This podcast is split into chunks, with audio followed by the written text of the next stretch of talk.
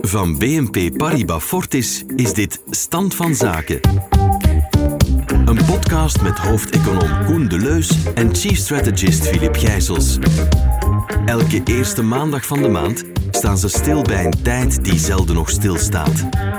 Wat staat er de komende maand te gebeuren in onze wereld die niet stopt met veranderen? En wat betekent dat voor de economie, voor de markten en voor jou?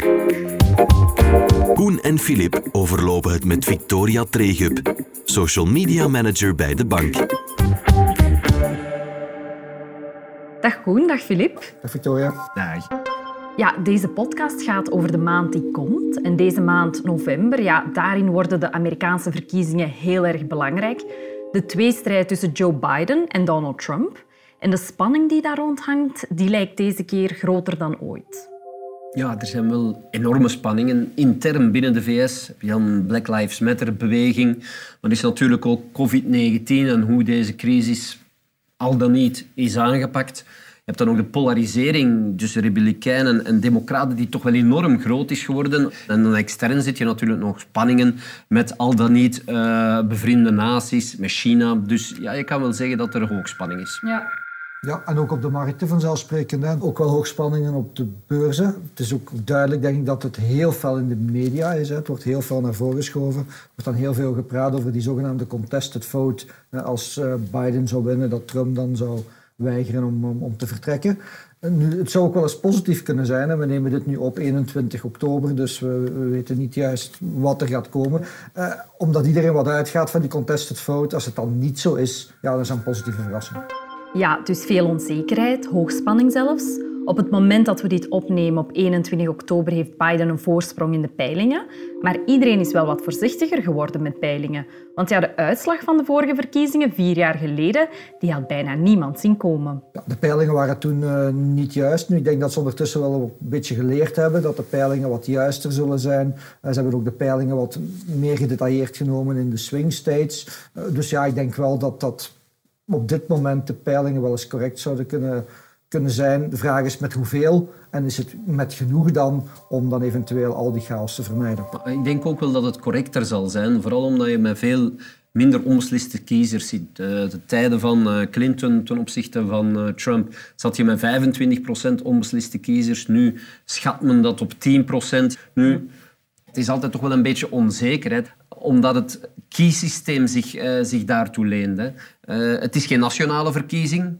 Oké, okay, je kan de populairste zijn op nationaal vlak, maar als je bij de verschillende staten niet de meerderheid van de kiesmensen binnenhaalt, en zo zijn er een 538 kiesmannen te, uh, te verkiezen over 52 staten, ja, dan verlies je. Ja, dus eigenlijk de kandidaat met de meeste kiesmannen, die wordt dan uiteindelijk president. Dat is het inderdaad. En dat was ten tijde van, uh, van Hillary en, en Trump was dat ook zo. Hillary had 3 miljoen stemmen meer, maar Donald Trump had uh, meer kiesstemmen. En, en hetzelfde ook tussen Bush junior en dan uh, Al Gore. Wat we daar gezien hebben, is dat Al Gore met amper enkele honderden stemmen de staat Florida heeft verloren en daardoor heeft hij de verkiezingen verloren.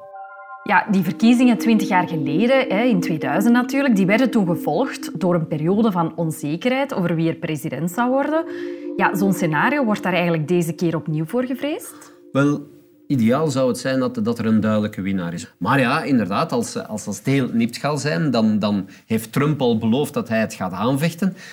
En ja, dan, dan gaan we nog zien wat er gebeurt. Hè? Ja. Je wilt gaan, gaan slapen en opstaan met, met een nieuwe president. Uh, dat is heel erg Amerikaans. Uh, dat is het systeem zoals het daar werkt. Die periode van onzekerheid, Bush junior, uh, Al Gore, ja, dat heeft niet zo lang geduurd. Het zou in het ergste geval langer kunnen duren. Hoe lang duurde dat toen? Want dat heeft een maandje geduurd ongeveer. Ja. En dat heeft de beurzen dan toch wel daarnaast hersteld, maar toch wel 15% gekost. Hm. Dus en daar zijn de markten dan waarschijnlijk wel terecht nu ook bang van.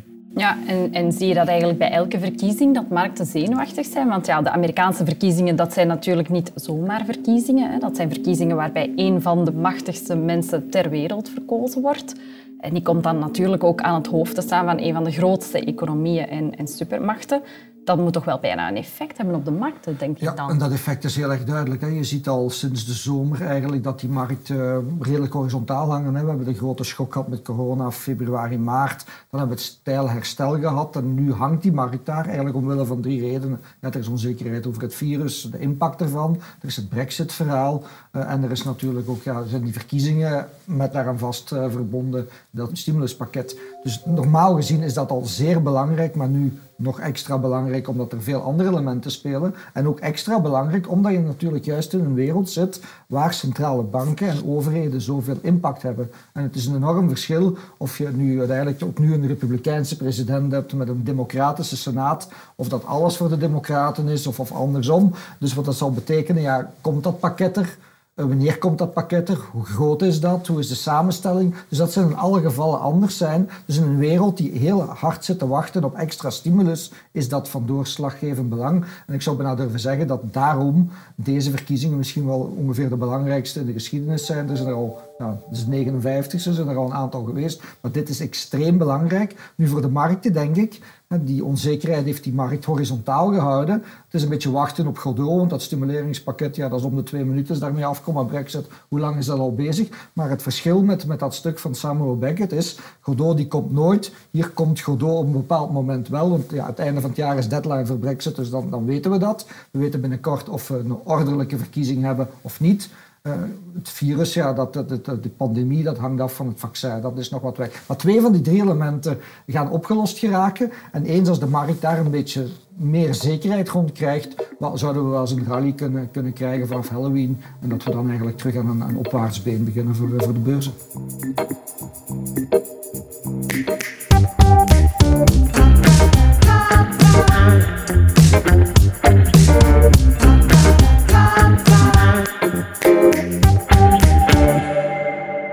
Dit zouden misschien wel de belangrijkste presidentsverkiezingen ooit kunnen worden. Hè? Dat heb ik je daarnet horen zeggen, Filip. En de spanning die is ook groot, omdat iedereen bij de vorige verkiezingen, vier jaar geleden, enorm verrast was. Bijna niemand had de verkiezing van Donald Trump zien komen. Was dat bij jou ook zo, Koen? Ja, zeker.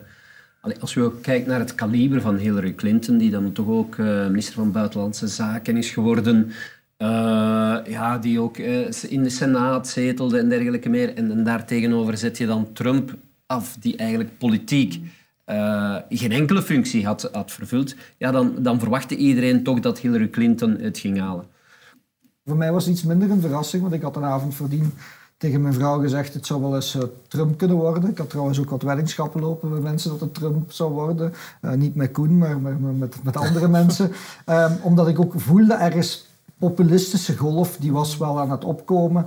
Uh, het was ook niet zo ruim in de polls toen, dus uh, het, was niet zo'n grote verrassing. Je zag het eigenlijk drie, vier uur s'nachts al, al aankomen dat het richting Donald Trump uh, zou gaan. En je zag het ook al op de markten. En je zag de, de, de futures, de, de, de voorwaarts lopende markten die al in Amerika, die dan al in Azië noteren, al min 4% staan. Want initieel zag de markt dat totaal niet zitten.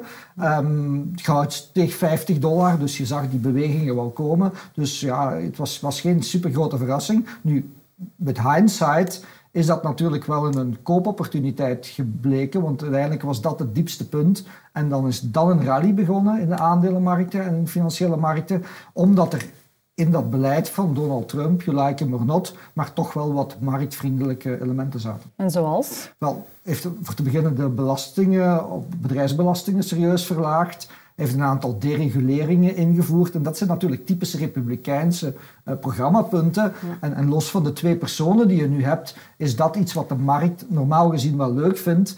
Uh, en dat is ook de reden waarom de markt eigenlijk het liefste een republikeinse president heeft met een democratische senaat, omdat je dan dat uh, pakket krijgt. En daar is de markt dan initieel wel op, op, op uh, gestegen. Ja, nu wie de nieuwe president ook wordt, zijn eerste zorg wordt natuurlijk de coronacrisis managen en de economische gevolgen daarvan. Hoe hard zijn de Verenigde Staten, ja, toch een van de grootste economieën ter wereld, eigenlijk getroffen, Koen? Wel, als we kijken naar, naar uh, maatschappelijk en, en, en in zaken gezondheid, uh, dan is de VS heel zwaar getroffen. Dan zie je dat van alle ontwikkelde landen de VS het hoogste aantal slachtoffers heeft. En dat is toch wel opvallend, omdat het toch het land is met de grootste gezondheidsuitgaven ter wereld. Anderzijds moet ik zeggen dat in zaken economische reactie, dat daar wel een, een heel stevig antwoord op was en dat, dat, die economische reactie echt wel zeer goed is geweest. Als je gaat kijken naar, naar die massale interventies en, en het feit dat mensen die ontslagen werden, dat die dan automatisch 600 dollar per week bijkregen, ja, dat wil dat ook zeggen dat de consumptie ondersteund blijft, bedrijven blijven ondersteund. En heeft ervoor gezorgd dat die economische krimp, dat, die maar, uh, ja, dat we die schatten rond de 4, 4,5 procent, terwijl in Europa zitten we rond de 8 procent. Ja, we zitten volop in die wereld uh, van monetaire theorie. Je hebt overheden die massaal uitgeven en centrale banken die dan die schulden opkopen. Wat inderdaad je economie ondersteunt, waarschijnlijk in de Verenigde Staten meer nog dan, dan in Europa. En wat ook je beurs ondersteunt. Hè, want we hebben het dan heel vaak over die, die gap tussen Main Street en Wall Street, waar je eh, toch als je rond je kijkt geen economie ziet die bruist van gezondheid, maar wel financiële markten die het dan al bij al nog, nog zeer goed doen. Dat is net daarom. En, en daarom natuurlijk is die verkiezing Biden-Trump ook weer zo belangrijk. Want zoals ik zei, normaal zijn die republikeinse accenten, belastingsverlaging, um, deregulering, dat is iets wat de markt goed vindt. Maar als Joe Biden daar eventueel een, een stimuleringspakket tegenaan gooit, van 3, 4, 5.000 miljard dollar. En dat zijn de cijfers die zo wat circuleren. Ja, als dat bijna, als ik goed kan tellen, Koen, uh, bijna 20% van het bruto nationaal product, ja, dan moet het al heel hard tegenslaan in 2021 om geen economische groei te hebben. Dus je leeft nu eenmaal in een bijzondere wereld. Uh, corona is waarschijnlijk de trigger, maar alle gevolgen die daaraan hangen zijn, zijn heel erg belangrijk. Ja, ik hoor zeggen, bijzondere wereld, belangrijke steunmaatregelen voor de economie. Dit is een belangrijk moment. Wel inderdaad, eh, het gaat afhangen of dat we de Republikeins of dat de Democraten verkozen worden. Tweede gaat het ook heel belangrijk zijn of dat we een blue wave gaan hebben. Dat we, uh, vandaag is het zo dat het Huis van Afgevaardigden in handen is van, van de Democraten en heb je de Senaat in handen is van de Republikeinen.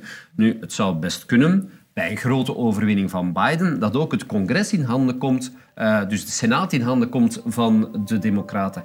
En dan ga je natuurlijk veel meer steun hebben om een groot pakket goedgekeurd te krijgen. Sowieso zullen ze een pakket goedkeuren, een noodpakket om de economie er terug bovenop te helpen. Maar als we daar bovenop dan nog een groot stuk van het democratisch programma van Biden kunnen realiseren, en daar zit dan infrastructuur bij, daar zit gezondheidszorg bij, daar zit een stuk van handel bij, ja, daar zit in totaal voor 10.000 miljard aan steun bij.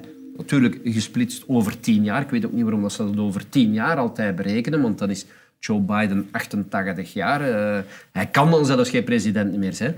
Maar dat wil toch zeggen, als die, dat soort van maatregelen goedgekeurd kan worden doordat het congres ook democratisch is, ja, dan krijg je natuurlijk, zoals Flip ook zei, een heel zware duw in de rug van de Amerikaanse economie. Dus eigenlijk, eh, als we dan dit mogen samenvatten voor een stuk, ja, dan is het zo, wordt het nu Donald Trump of wordt het Joe Biden, dat pakket komt er. De samenstelling zal misschien anders zijn, de grootte zal misschien anders zijn, maar het komt er. Dat is enorm. De, de modern monetaire theorie trein raast verder, hoe dan ook. Zal de economie ondersteunen, zal de beurzen ondersteunen.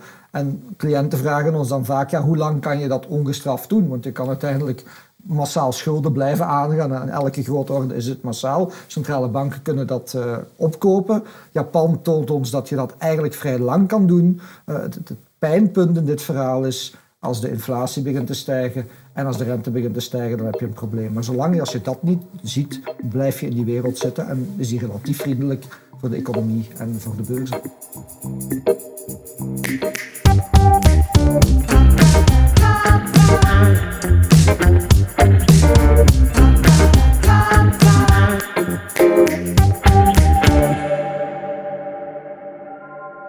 Ja, Donald Trump is vier jaar geleden verkozen met de belofte van Make America Great Again. Ja. Zijn economisch programma dat is er een van protectionisme geweest. America First, Amerika eerst. De wereld heeft daar echt met grote ogen naar gekeken. Waarom was dat eigenlijk? Wel, je moet dat zien in een historische context van, van 40, 50 jaar van globalisering. Dus er was altijd maar meer handel tussen de verschillende landen. De global value chains werden uitgediept. Uh, aankoop en verkoop van goederen groeide sneller, groeide eigenlijk sneller dan de globale groei. En dat heeft eigenlijk de voorbije 30, 40 jaar die, die wereldgroei een serieuze duw in de rug uh, gegeven. En dat bracht ook heel veel, heel veel welvaart. Heeft ook ervoor gezorgd dat de ongelijkheid tussen de verschillende landen dat die serieus naar omlaag gehaald is. Het heeft er ook wel voor gezorgd dat ongelijkheid binnen sommige landen dat die wel uitvergroot is geweest. Waarom? Ja, dat is eigenlijk dan weer een politieke fout, omdat men de negatieve effecten van globalisatie fabrieksarbeiders die ineens hun fabriek zien vertrekken naar China, dat die effecten niet werden opgevangen. Maar al bij al mag je zeggen dat de balans van globalisatie enorm positief is. En dan komt daar ineens Donald Trump met zijn protectionisme. En, en, en ja, dat is even uh, sidderen en beven wel. Ja, hoe meer je handel drijft, hoe beter dat is voor iedereen, economisch gezien. En dan komt er iemand die zegt, dan gaan we toch maar eens wat muren bouwen. Sommige letterlijk, sommige figuurlijk. Ja, dat is niet goed voor die handel. Dat maakt ook dat Europa in een rare situatie komt. Want als je natuurlijk twee blokken krijgt, een Aziatisch blok met China, een Amerikaans blok, ja, wat moet dan Europa doen? Op wie zijn technologie moet je dan gaan enten? Je kan dan kijken naar dat soort discussies allemaal. En, en ook natuurlijk naar andere economische indicatoren, want een gevolg ook van die, die hele globalisatie was dat inflatie bijzonder laag gebleven is. Maar als je nu wat muren gaat maken, je gaat wat meer conflicten creëren, zou dat wel eens allemaal meer inflatoir kunnen worden. En als investeerder investeren in een, omgeving van lage inflatie of van stijgende inflatie, dat is totaal anders. En daar moeten we ons op voorbereiden, want ik denk dat die inflatie komt. En twee situaties zijn nooit helemaal hetzelfde, maar dit doet me dan wel voor een stukje denken aan de jaren 60, 70. Wat, wat opstand vanuit de onderbuik van de maatschappij, wat meer conflicten tussen landen, uh, wat meer mensen die je op straat ziet, muren, populisme. En toen was dat inflatoir. Dus ik denk dat we daar naartoe gaan. En dat is dan een wereld ook natuurlijk van stijgende grondstoffenprijzen, stijgende goudprijzen. En, ja. Ik, volg, ik volg Flip wel gedeeltelijk, maar ik denk inderdaad die inflatie, dat zal binnen twee, drie jaar zijn. Dat is niet, voor morgen. Dus- ja. ja, Koen, er waren heel veel kanttekeningen bij dat protectionisme uh, dat Trump beloofde vier jaar geleden. Heeft hij toen woord gehouden? Wel, Deels zeker wel. Als we kijken, hij heeft inderdaad wel actie ondernomen tegen bijvoorbeeld China. China, dat was een heel groot handelstekort uh, van Amerika ten opzichte van China. Dus dat handelstekort moest kleiner zijn. Maar hij heeft natuurlijk dat ook gedaan ten opzichte van Mexico. Hij heeft het ook gedaan ten opzichte van Europa. Als we dan bijvoorbeeld gaan kijken naar immigratie, dan moet je toch al zeggen dat zijn resultaat toch iets minder indrukwekkend is. Want hij heeft minder mensen gedeporteerd dan Obama. Hoe vreemd dat dat ook kan lijken gaan kijken naar uh, tegenhouden van immigranten, dan zie je inderdaad die grens met Mexico. Een 3150 kilometer lange grens, waarvan 550 kilometer extra bouw is gebeurd, maar extra bouw, heel veel gerenoveerd. Slechts 50 kilometer muur is effectief nieuw opgebouwd. En dat is toch ook wel belangrijk. Hij ging altijd Mexico de rekening uh, aanbieden. Wel, Mexico heeft daar geen peso voor betaald hoor. Ja, iets dat ook opgevallen is, is dat de voorbije vier jaar Donald Trump vaak naar de beurs verwezen heeft. Weten we eigenlijk waarom? Wel, hij is een businessman voor een stuk en voor hem is economie belangrijk, maar zijn ook beurzen belangrijk. Dus hij heeft heel vaak het krediet ervoor genomen. Nu, als je dus objectief bekijkt, dus de eerste maanden en zelfs wat langer eh, van zijn ambtstermijn waren goed voor de beurzen. Dan hebben we de tweede jaarhelft van 2018, vooral naar het einde van 2018, een inzinking gehad. Maar dat was omdat de Federal Reserve de rente verhoogde. Dat was niet zijn doen, hij was daar ronduit tegen. Eh, en dan heb je natuurlijk weer wat herstel gehad en dan heb je de coronacrisis gehad. Maar, maar het punt wat ik wil maken is dat de president is belangrijk, de verkiezingen zijn belangrijk en, en een president kan wegen, kan allerlei maatregelen nemen, want er spelen honderden en één verschillende dingen.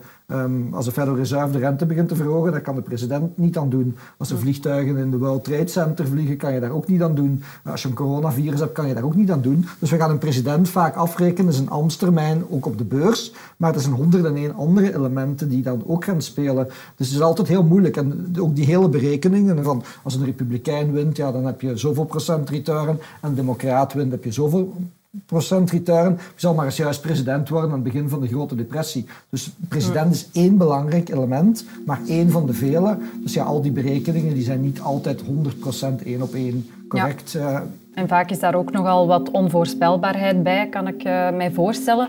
Wat was er eigenlijk behalve America First uh, nog kenmerkend voor het economische beleid van Donald Trump? Nou, het was uh, deregulering, dat was positief. Belastingsverlaging, dat was, was positief voor, voor de beurzen. Um, er zijn ook een aantal andere elementen die spelen. ehm, ja, ga je, hoeveel infrastructuur ga je doen? Wat ga je doen met bepaalde sectoren? Want we zeggen altijd, ja, de beurs in zijn totaliteit. Maar ieder programma, iedere partij heeft zowat zijn, zijn, zijn impact op verschillende sectoren. Daar moeten we dan ook weer voorzichtig mee zijn. Wat ze in de, de, de verkiezingscampagnes zeggen en wat er dan daadwerkelijk gebeurt, is dan meestal nog iets anders. Ja. Eh Filip, ik hoor jou deregulering zeggen. Koen, wat was voor jou het belangrijkste accent?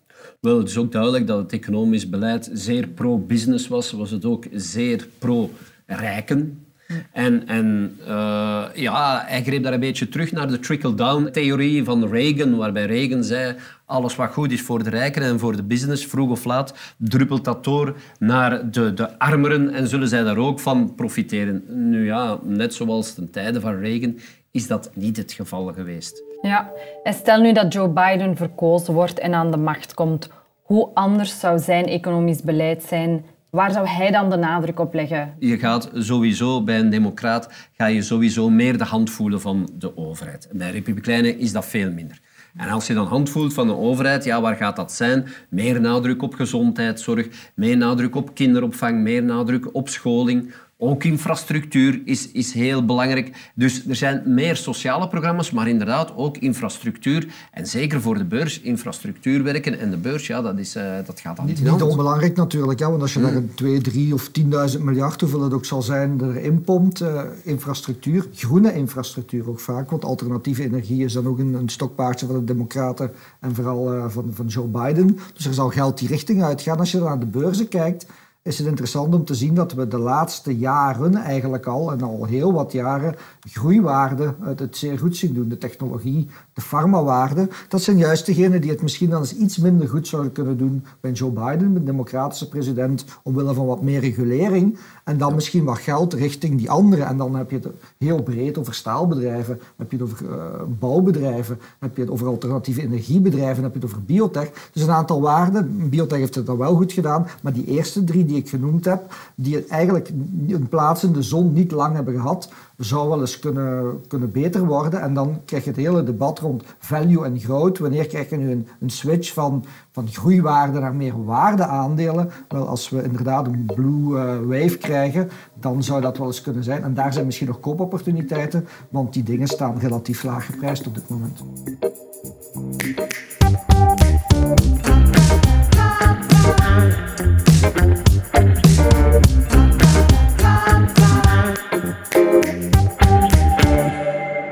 Filip, er is het binnenlands beleid, onder andere voor de economie. Maar er is natuurlijk ook de handel en de relatie met China, ook een interessant thema. Donald Trump heeft vaak op ramkoers gelegen met China. Hoe is de balans daar nu eigenlijk? Wel, uiteindelijk is het handelstekort met China toch iets lager. Maar dat heeft natuurlijk ook vooral te maken met de crisis. De crisis, eh, de pandemie die ervoor gezorgd heeft dat zowel de import als de export heel zwaar naar eh, beneden is gegaan. Maar als we even objectief gaan kijken wat het effect is geweest van toch dat protectionisme van die handelstarieven, ja, dan zijn er studies die aangeven dat zowel voor de VS als voor China er schade is geweest. Voor de, voor de VS uh, berekent men dat op 0,1% van het bbp. Voor China is dat 0,3% van het bbp. Dus de VS heeft relatief minder schade uh, geleden. Dus ja, daar zou ik kunnen zeggen, oké, Trump, je bent in geslaagd in je opzet, maar ik weet nu niet minder verliezen of dat dat echt zijn bedoeling was. Daarnaast ook, uh, waar minder geïmporteerd wordt door China, is er natuurlijk wel meer import vandaag vanuit Europa. En is er ook andere landen die profiteren, zoals bijvoorbeeld Vietnam. En een derde element, en dat was denk ik de belangrijkste bedoeling van Donald Trump, was vooral de Amerikaanse bedrijven terugkrijgen naar de Verenigde Staten.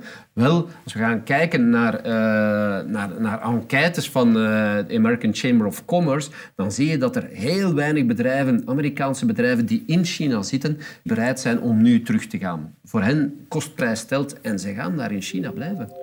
Ik denk vanuit een investeringsperspectief dat je moeilijk kan inschatten hoe belangrijk dit is. Dat is extreem belangrijk, hè? want we hebben jaren geleefd in een wereld die unipolair is voor een groot stuk. De Verenigde Staten was een beetje de, de politiemacht van de wereld, de enige echte grootmacht. Kernmacht, op gebied van wapens, politiek, alles dan ook. En dan komt daar China.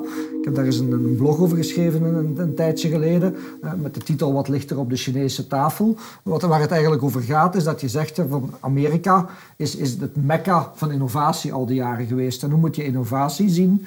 Het is een, een, grote tafel waar je heel veel slimme mensen, wetenschappers, professoren en dergelijke rondbrengt. Op die tafel liggen onderdelen en laat die maar spelen met die onderdelen en daar komt iets nieuws uit. En dat proces was ook in Europa, was ook in Azië, was voor een heel groot stuk in de Verenigde Staten. Nu weten we dat er in China ook zo'n tafel staat, met misschien nog meer geleerden, misschien nog meer onderdelen. En als je die onderdelen bekijkt, wel, dat is heel belangrijk, want waarom beginnen ze natuurlijk te beletten dat bepaalde dingen uitgevoerd of verkocht worden? Ja, proberen minder onderdelen op de andere zijn tafel te krijgen. Maar voor een investeerder is dat extreem belangrijk. Je hebt twee tafels.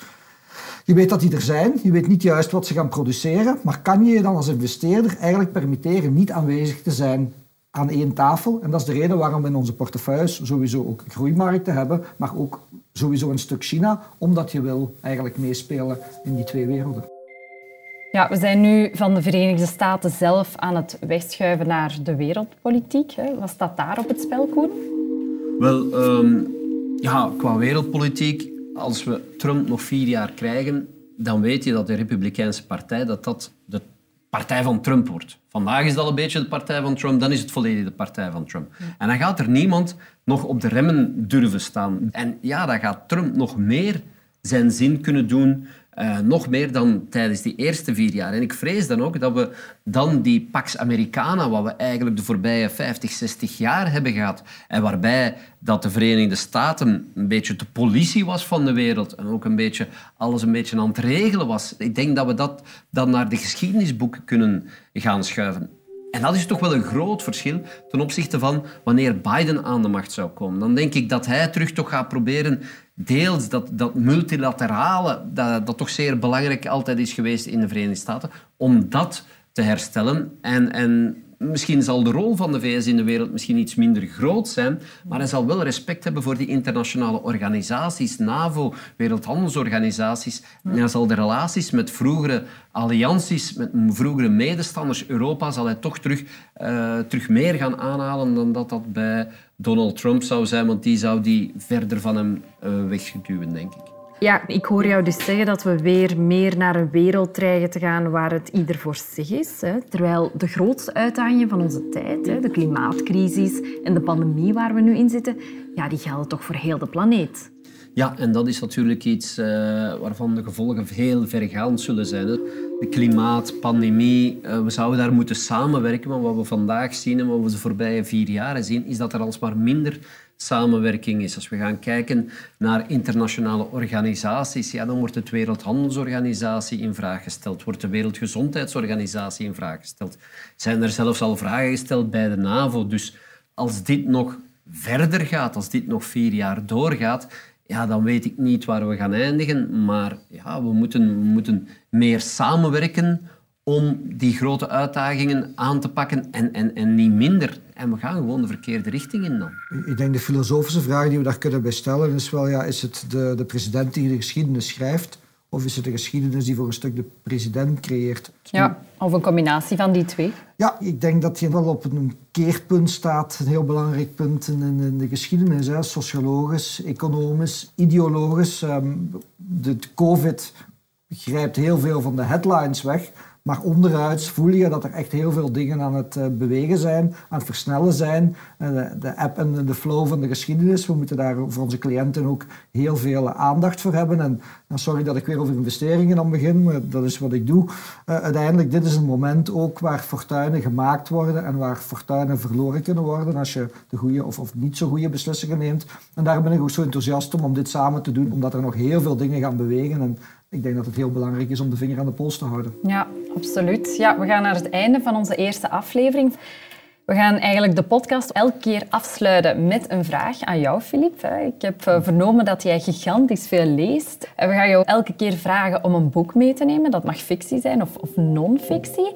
Maar dus de vraag is, welk boek moeten we deze maand lezen om mee te zijn met wat er speelt in de wereld? Nou, Victoria, ik ga al... Uh om te beginnen eventjes vals spelen, want ik ga er twee noemen. Ehm, ik wil eerst uh, American Nations van uh, Cool and Woodard meebrengen, okay. omdat dat ons een idee geeft hoe de Verenigde Staten gevormd zijn. Hè, voor een stuk met immigranten, die Spanjaarden in het zuiden, Fransen in het noorden, Engelse, Ieren, Schotten, Kwekers, Pennsylvania. Je moet het boek maar lezen. Interessant zou ik zeggen voor op cocktailparties mee uit te pakken, maar ja, die mogen we voorlopig niet hebben. Maar, maar het idee van swing states, waarom heb je een swing state? Nou, omdat je uiteindelijk ja, twee van die nations, of drie van die nations, soms in een staat hebt, vooral in het oosten. Uh, en dat die dan ja, natuurlijk bepalen of die staat rood of, of, um, of blauw gaan kleuren. Dus dat is wat ik initieel wou doen. Maar ik heb dan eigenlijk iets anders meegebracht, wat eigenlijk hetzelfde is.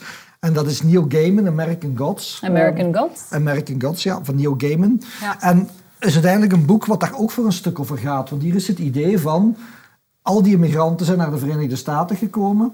Er waren Noren bij, daar waren Aziaten bij, daar waren alle soorten volkeren bij die allemaal hun eigen goden hebben. Die brengen hun goden ook mee naar de Verenigde Staten. Maar ja, dan komen er nieuwe goden, dan komt er Coca-Cola, dan komt er Wall Street, dan komt er tv, dan komt er radio. En die goden raken een beetje in onbruik. En het hele idee, en ik wil geen, geen spoiler uh, erbij zetten, maar het idee is dat die goden terug aan de macht willen komen uh, door een grote oorlog te voeren tegen de nieuwe goden. Maar het concept is hetzelfde. Al die volkeren zijn naar daar gekomen, die hebben allemaal hun ideeën meegebracht. En dat maakt Amerika. En dat maakt die verkiezing ook zo spannend uh, en zo, zo complex, omdat je daar natuurlijk al die verschillende invloeden, heel de wereld, alle invloeden van de mm. wereld zijn daar samengekomen. Ja, en dat ga je zien in die verkiezingen. Filip, Koen, ontzettend bedankt voor jullie tijd. Dat was heel en... leuk om te doen. Graag gedaan. En uh, tot volgende maand. Tot volgende maand. Tot dan. Dit was Stand van Zaken. Vond je deze podcast interessant? Abonneer je dan via Apple Podcast, Spotify of een andere podcast-app naar keuze. En schrijf gerust een review. Dat helpt andere mensen om deze podcast te vinden. Heb je intussen vragen, opmerkingen of suggesties? Die kun je mailen naar socialmedia.bnpparibafortis.com. De credits van deze podcast en alle referenties vind je in de show notes. De eerste maandag van volgende maand zijn we er opnieuw. Bedankt voor het luisteren en tot dan.